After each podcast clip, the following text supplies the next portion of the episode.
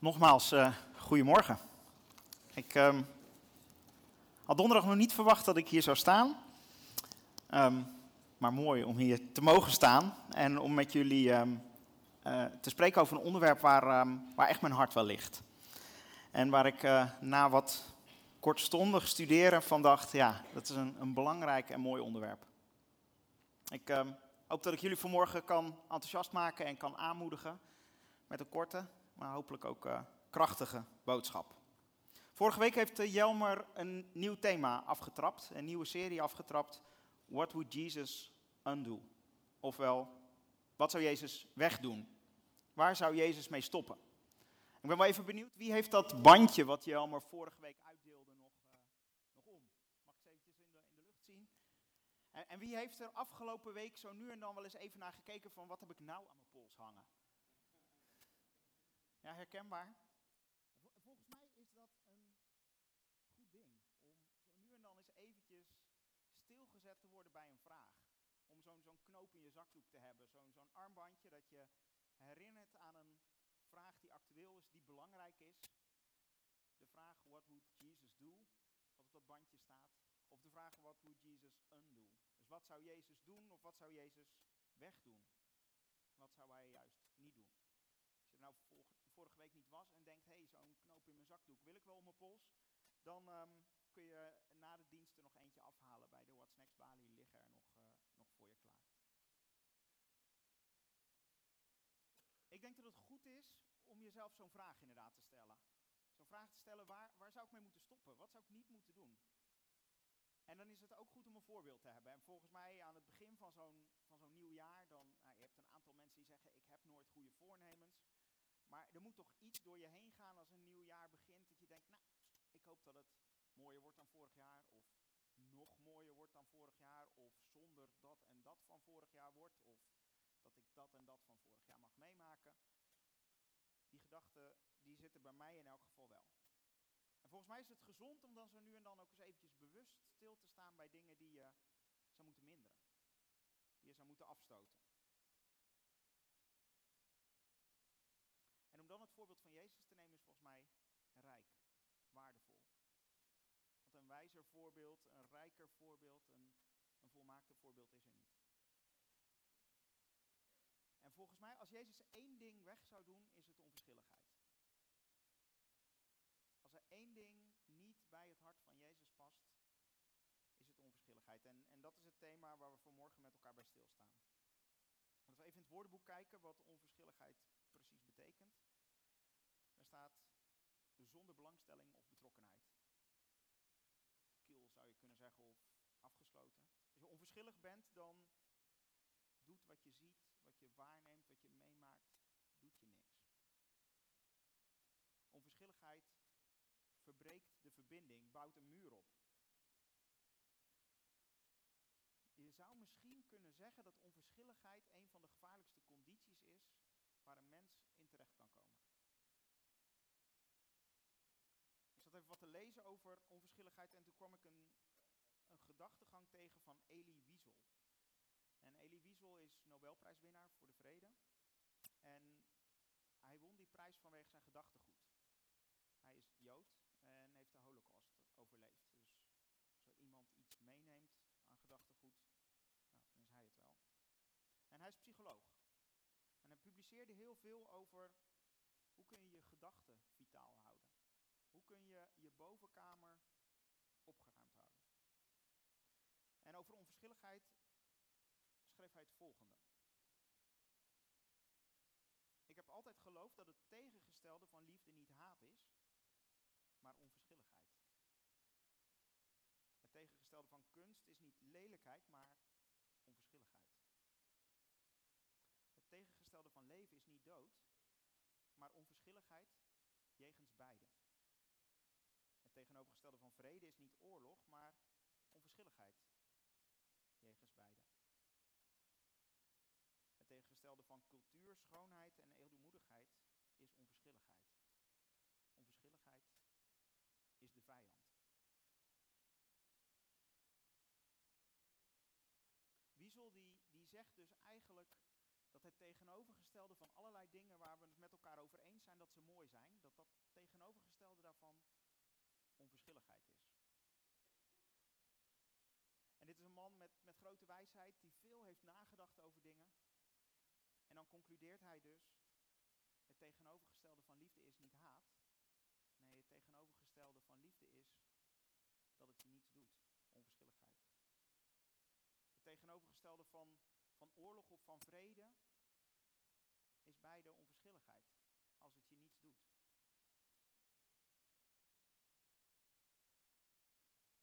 Onverschillig zijn is dus een bepaalde leegte hebben. Een muur opgebouwd hebben die maakt dat wat er buiten gebeurt niet naar binnen komt.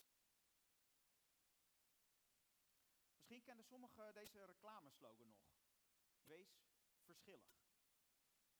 Nou, volgens mij is het geen Nederlands, maar ik vind het wel een prachtig woord, verschillig.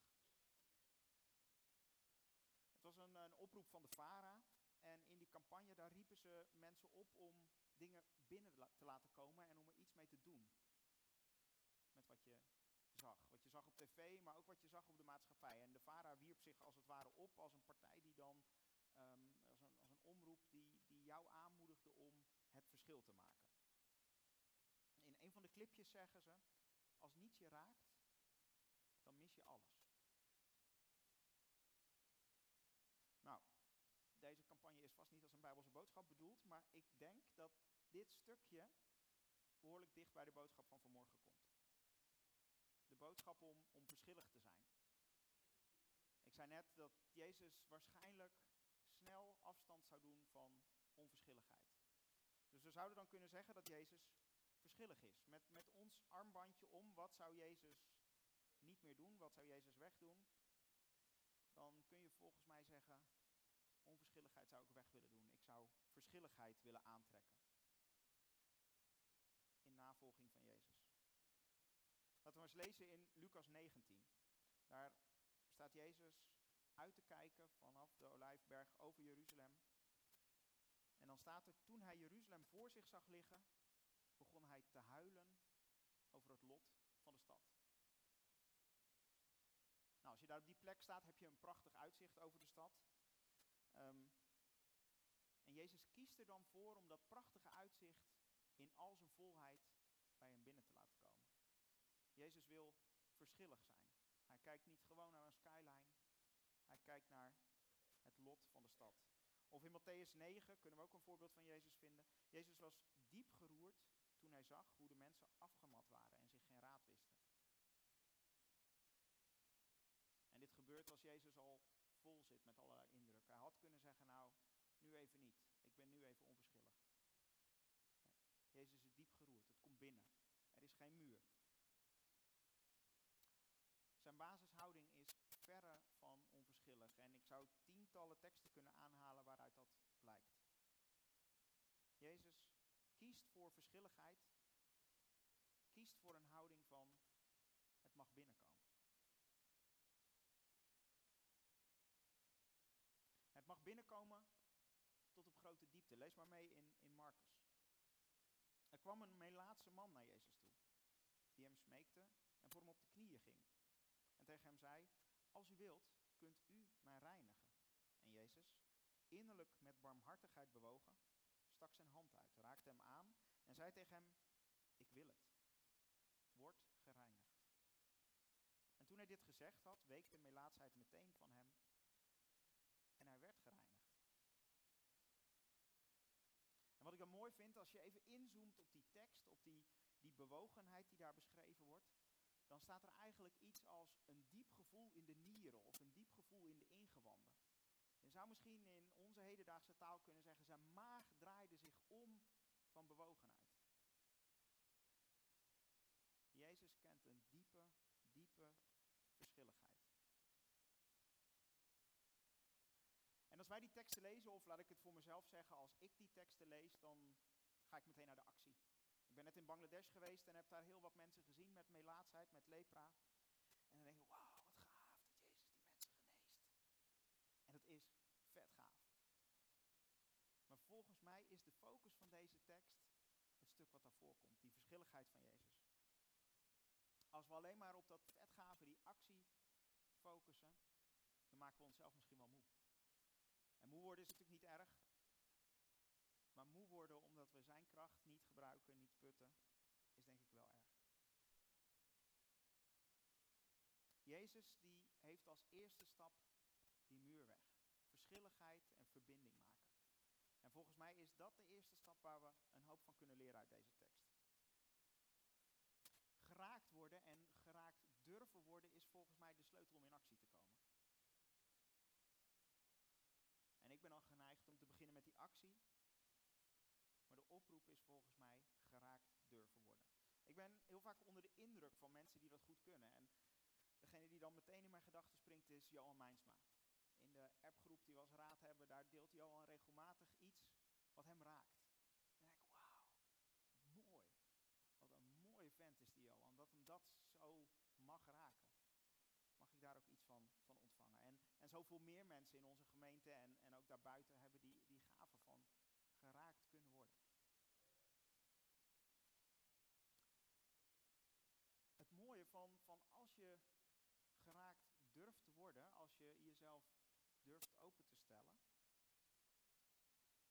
dat er verbinding ontstaat. En dat je vanzelf die stap van dat doen gaat zien. Dat doen ook als een diepe behoefte gaat voelen in plaats van als een moeten. Rens, een van de, de leden van onze Connect-groep, die vertelde laatst iets moois. Er zat een uh, zak cadeaus bij een gezin voor de deur gezet. Omdat het haar pijn deed, was binnengekomen, dat dat gezin geen cadeaus had met Sinterklaas. Een mooie daad. Maar wat ik vooral leerzaam vind daaruit is dat het haar pijn deed. Dat ze ervoor koos om het binnen te laten komen. Want ze had ook kunnen denken, er zijn zoveel gezinnen en daar kan ik niet allemaal een zak voor de deur zetten. het mocht haar pijn doen. Maar vreemd genoeg kiezen we, of kies ik, al te vaak voor het comfort van toch maar dat muurtje een beetje laten staan. Toch maar een beetje, en dan noemen we het geen onverschilligheid, maar dan noemen we het realisme of zoiets dergelijks. En dan sluiten we van alles buiten. We willen niet geraakt worden, want dat geraakt worden is oncomfortabel. We durven niet dat verschillige hart aan te trekken. We kiezen ervoor om die verbinding door te snijden. We kiezen voor onverschilligheid vanwege ons eigen comfort. Vanwege ons veiligheid, vanwege wat we gewend zijn. Dat is eigenlijk hetzelfde als wat er in Marcus 3 gebeurt. En als Jezus ook weer oog in oog met iemand die om genezing vraagt. Op een sabbat kwam Jezus weer in de synagoge.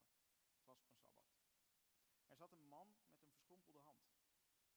De fariseeën hielden hem, Jezus, goed in, de, in het oog om te zien of hij de man zou genezen. Want dan zouden ze een aanklacht tegen hem kunnen indienen. Jezus riep de man naar voren. Mag men op de Sabbat iemand helpen? vroeg hij aan de fariseeën. Of moet je hem in de kou laten staan? Is het een dag om mensen te redden of een dag om te doden? De fariseeën zeiden niets. Jezus is in een gevarenzone hier. Alle reden om op zijn te zijn en misschien die verschilligheid iets opzij te zetten in het belang van veiligheid of comfort.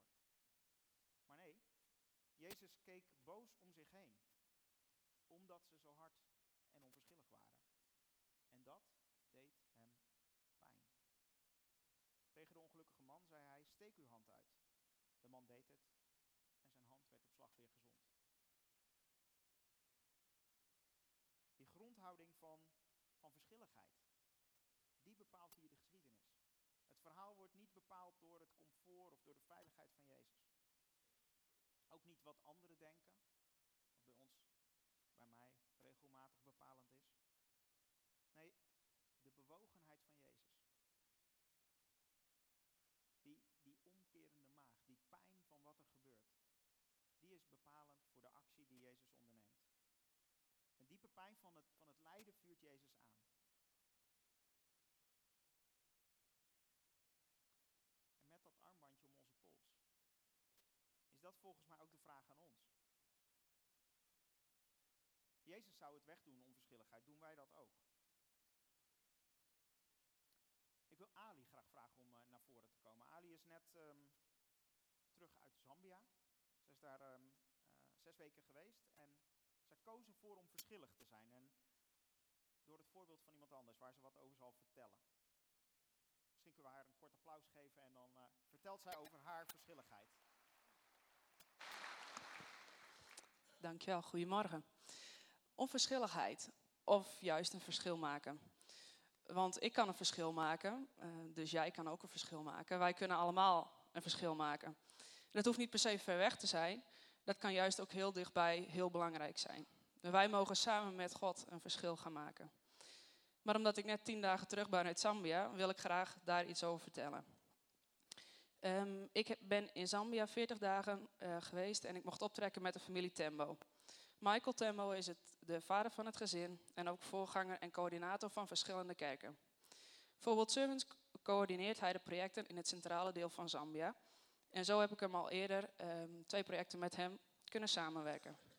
En voordat ik verder ga, wil ik, hem graag ook, wil ik graag de warme en hartelijke groeten van hem overbrengen, van hem en zijn gemeente. Um, tijdens deze twee projecten ben ik geraakt door wat ik zag. Ik zag een agrarische omgeving, grote boerenbedrijven en daarnaast ook uitgestrekte dorpen. Kleine huisjes met landbouwgrond eromheen. Hier verbouwen de gezinnen voornamelijk mais, uh, sojabonen en tomaten. Na een goed regenseizoen is het de oogst net genoeg om van te eten. En de rest te verkopen om net wat geld te verdienen. Maar je begrijpt wel dat wanneer er niet een goed regenseizoen is um, en de oogst tegenvalt, dat het dan heel erg zwaar wordt om alleen al je familie te eten te geven. En dan hebben we het nog niet over het betalen van schoolgeld of medische kosten. Ik neem even een stapje terug in de tijd. 30 jaar geleden kwam Michael vanuit het oosten van Zambia naar het centrale deel. Hij ging werken op zo'n groot boerenbedrijf.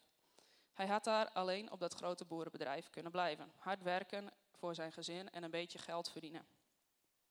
Maar hij zag ook die uitgestrekte dorpen om het bedrijf heen. Hij realiseerde zich dat veel dorpen geen medische voorzieningen hadden. Al is het maar om medicijnen te kunnen geven voor diarree of voor malaria. Het raakte hem om te zien hoe de jonge kinderen les kregen onder een boom of in een leemig gebouw, klaslokaal. Het raakte hem dat de tieners na de basisschool geen mogelijkheden hadden om verder te leren op een middelbare school. Het had hem moedeloos kunnen maken en onverschillig. Want door zijn werk op het bedrijf had hij, kon hij immers prima voor zijn gezin zorgen. Waarom zou hij zich druk maken om de rest van zijn omgeving? Maar het raakte hem wel en hij werd niet onverschillig. Hij kreeg een droom over hoe het gebied ontwikkeld kon worden. Klinieken en basisscholen in de dorpen. Maar ook een middelbare school en daarnaast een trainingscentrum voor jongeren om de basisvaardigheden van een beroep te leren. Dat zou een groot verschil kunnen maken in het leven van heel veel mensen. Jongeren gaan langer naar school, krijgen later een gezin, ze leren een beroep en kunnen geld verdienen voor hun eigen levensonderhoud. Michael had die droom, maar dat betekent niet dat iedereen deze droom ook begreep. Mensen uit de dorpen en ook de chief van het hele gebied uh, geloofden niet in zijn droom en dat die droom waarheid kon worden. Ze dachten dat hij gek was. Maar door het grote geloof in God en in de droom die hij gekregen had, zag en kreeg hij een kans. Nu 30 jaar later zijn er klinieken en basisscholen gebouwd. En er is een middelbare school waar 400 tot 500 kinderen naartoe gaan. En waar ze examen kunnen doen als ze 18 zijn. Het realiseren van klinieken en scholen doet Michael samen met een aantal collega's uit een samenwerkingsverband van zo'n 25 kerken, MCC. Hiernaast hebben ze nog meer taken en ik heb die 40 dagen dat ik daar was mee kunnen kijken en hand- en spandiensten kunnen doen. Ik had er erg naar uitgekeken deze reis. Het zou een uitstap worden om een verschil te maken. Ik ging meehelpen met MCC, meewerken aan de ontwikkeling van het gebied en aan de dingen die mij daar zo geraakt hadden. Ik dacht dat ik het meeste wel had gezien en begrepen tijdens die voorgaande projecten. Maar doordat ik deze keer alleen op pad was en me echt onder kon dompelen in alles wat ik daar tegenkwam, kwamen alle indrukken nog een beetje harder aan. Het enthousiasme van die eerste drie weken bekoelde in die vierde week. Bepaalde gewoonten bleken heel ver weg te staan van hoe ik daarnaar kijk. En nee, dan heb ik het niet over gefrituurde wormen eten, douchen met een emmer of ehm, wanneer je iets op de grond laat vallen in het bijzijn van je schoonfamilie, dat zij het dan af mogen pakken en dat je het symbolisch terug moet betalen. Dit levert juist leuke en interessante gesprekken op. Maar het gaat mij om de algemene waardering van elkaar als mensen en van elkaar als christenen. Die vraagstukken over armoede en deze waardering voor elkaar leken zo enorm groot. Waar moest ik beginnen? Want dit was ook wat mij raakte. Ik kon het antwoord niet vinden en deze gedachte maakte mij moedeloos en onverschillig. Die onverschilligheid zette mijn gedachten stil. Goede vragen en gesprekken, als in die weken daarvoor, voeren, dat lukte mij niet meer. De hemel leek ook wel van koper. Ik zag van alles om me heen gebeuren, maar het raakte me niet meer. En ruimte voor nieuwe ideeën was er ook niet. Alle energie en gedachten stak ik in. Het is toch zinloos. Als ik na die vier weken weer naar huis was gegaan, was het goed geweest. Maar was het ook einde verhaal. Over en uit. Ik had een klein uitstapje gedaan. Het was leuk geweest en that's it. Maar dat is niet waar mijn verhaal stopt. In de vijfde week maakten we een rondrit door de omgeving en brachten we een aantal bezoeken. En zo kwamen we toevallig langs een andere voorganger. Na een lang en goed gesprek hebben we gebeden. Samen konden we God zoeken, konden we elkaar bemoedigen, konden we nieuwe ideeën bedenken. Ik ben immers niet alleen op de wereld, er zijn nog heel veel anderen. En God heeft iedereen met zijn of haar talenten aan het werk. Het leerde mij dat er met mijn onverschilligheid niet zou veranderen. En ook als ik niet gelijke verandering zie, of, uh, uh, en ook al zie ik niet gelijke verandering of verschil door mijn uitstapje, in het licht van een groter plan van God voor deze wereld vertrouw ik erop dat God een verschil gaat maken.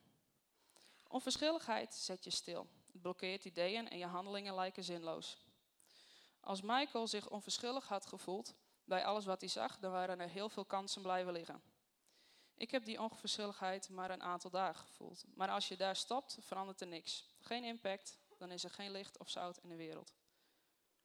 Als mensen met elkaar in gebed kunnen, elkaar kunnen bemoedigen, talenten uh, bij elkaar kan, kunnen brengen en elkaar kunnen wijzen op mogelijkheden, dan zal God daar doorheen werken. Is het makkelijk om die onverschilligheid aan de kant te schuiven en verschil te willen en durven maken? Nee, dat vraagt om moed om te durven kijken, moed om keuzes te durven maken. En het vraagt ook om doorzettingsvermogen. Ik zeg niet dat dat gelijk groot en meeslepend moet beginnen. Maar durf eens je ogen te openen. Net als in eh, de tekst van het lied Hosanna van Hillsong. Break my heart for what breaks yours. Uh, want als je om je heen kijkt, zie je dat de wereld het heel erg hard nodig heeft. Mag ik jou dan ook een vraag stellen? Wat raakt jou?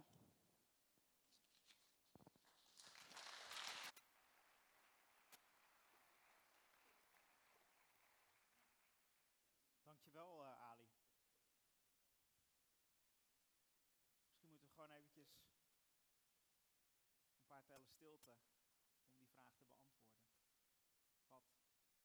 Wat raakt jou?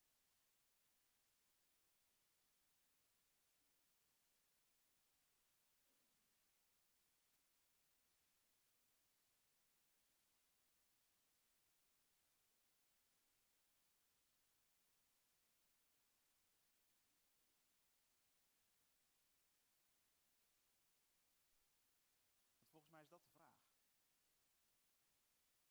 Volgens mij is dat de vraag.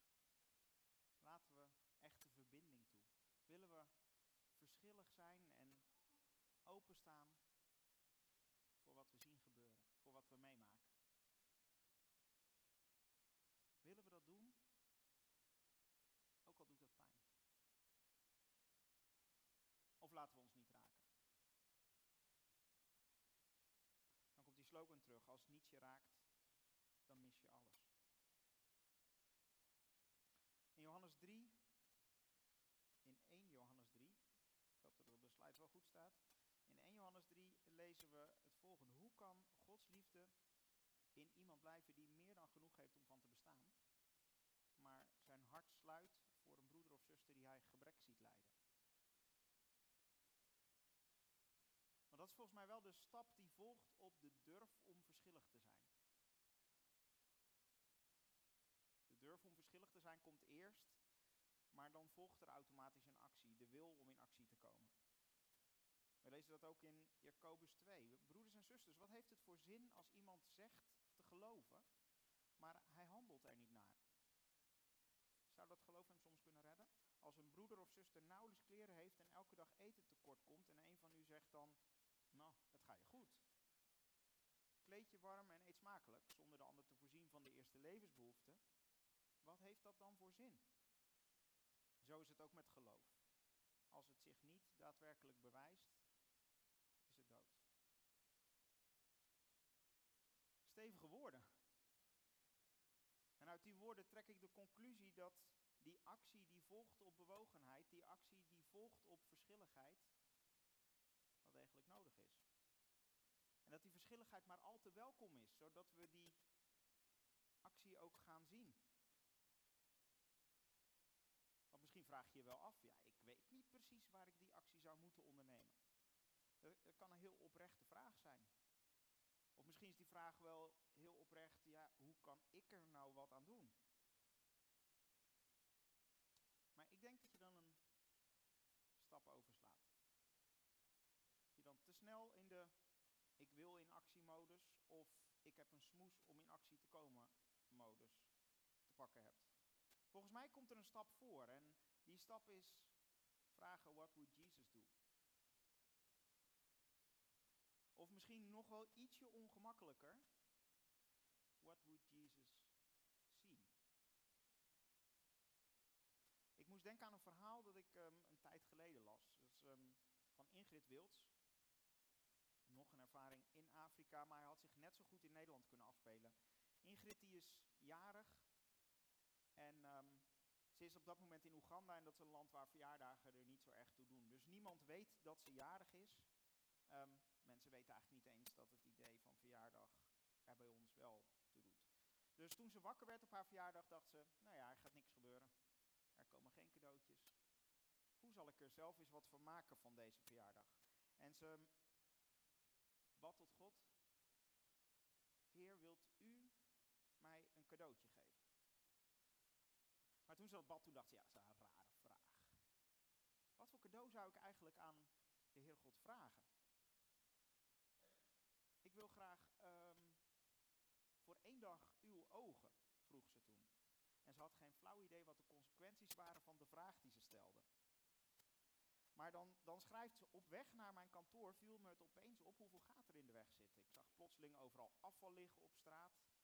En het ergste was die vrouw die in een grote overvolle vuilcontainer nog iets eetbaars stond te grabbelen. Ze had geïnfecteerde wonden op haar lichaam. Ik kon het bijna niet naar kijken. Ik voelde bijna hoe zeer het deed. Ik zag ook een mooie gesluierd, uh, gesluierd meisje. En ik wist dat ze nooit de vrijheid van Jezus zou ervaren. Ik zag veel meer straatkinderen dan ik anders zag. En ik werd boos om het onrecht dat ze werd aangedaan. Er veranderde iets in mij en ik vroeg me af of dat kwam door dat cadeau wat ik voor mijn verjaardag gehad had. Nou, Ingrid vertelt dan verder, haar nichtje die belt op en die vraagt, tante Ingrid, wat hebt u voor uw verjaardag gekregen? wat moet ik nu aan mijn nichtje uitleggen? Moet ik zeggen dat ik eigenlijk allerlei ellende gezien heb door het cadeau dat ik gekregen heb? Ze vraagt zich af hoe het mogelijk is dat haar ogen opeens andere dingen zien, zien dan al die jaren daarvoor. Maar ze weet ze de ogen van Jezus verschillig is geworden. Ook zegt ze, het verschil tussen wensen en hebben is wel een lang proces geweest. Want dat cadeau, of ik er altijd blij mee ben, ik weet het niet. Maar toen ik weer jarig werd, heb ik om de oren van Jezus gevraagd.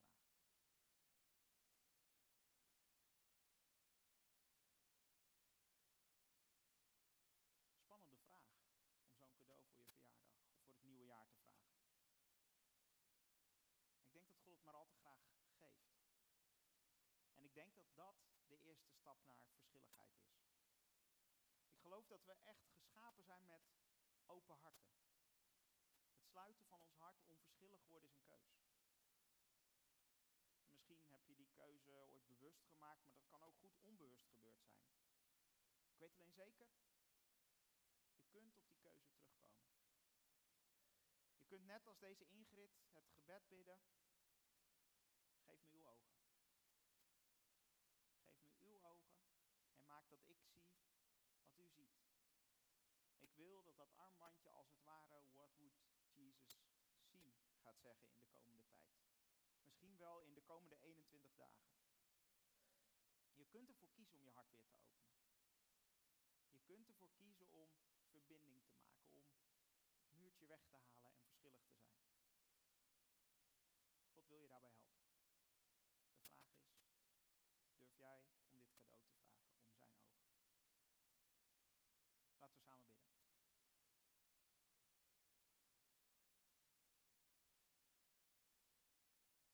Vader God, we willen bij u komen. We willen bij u komen terwijl we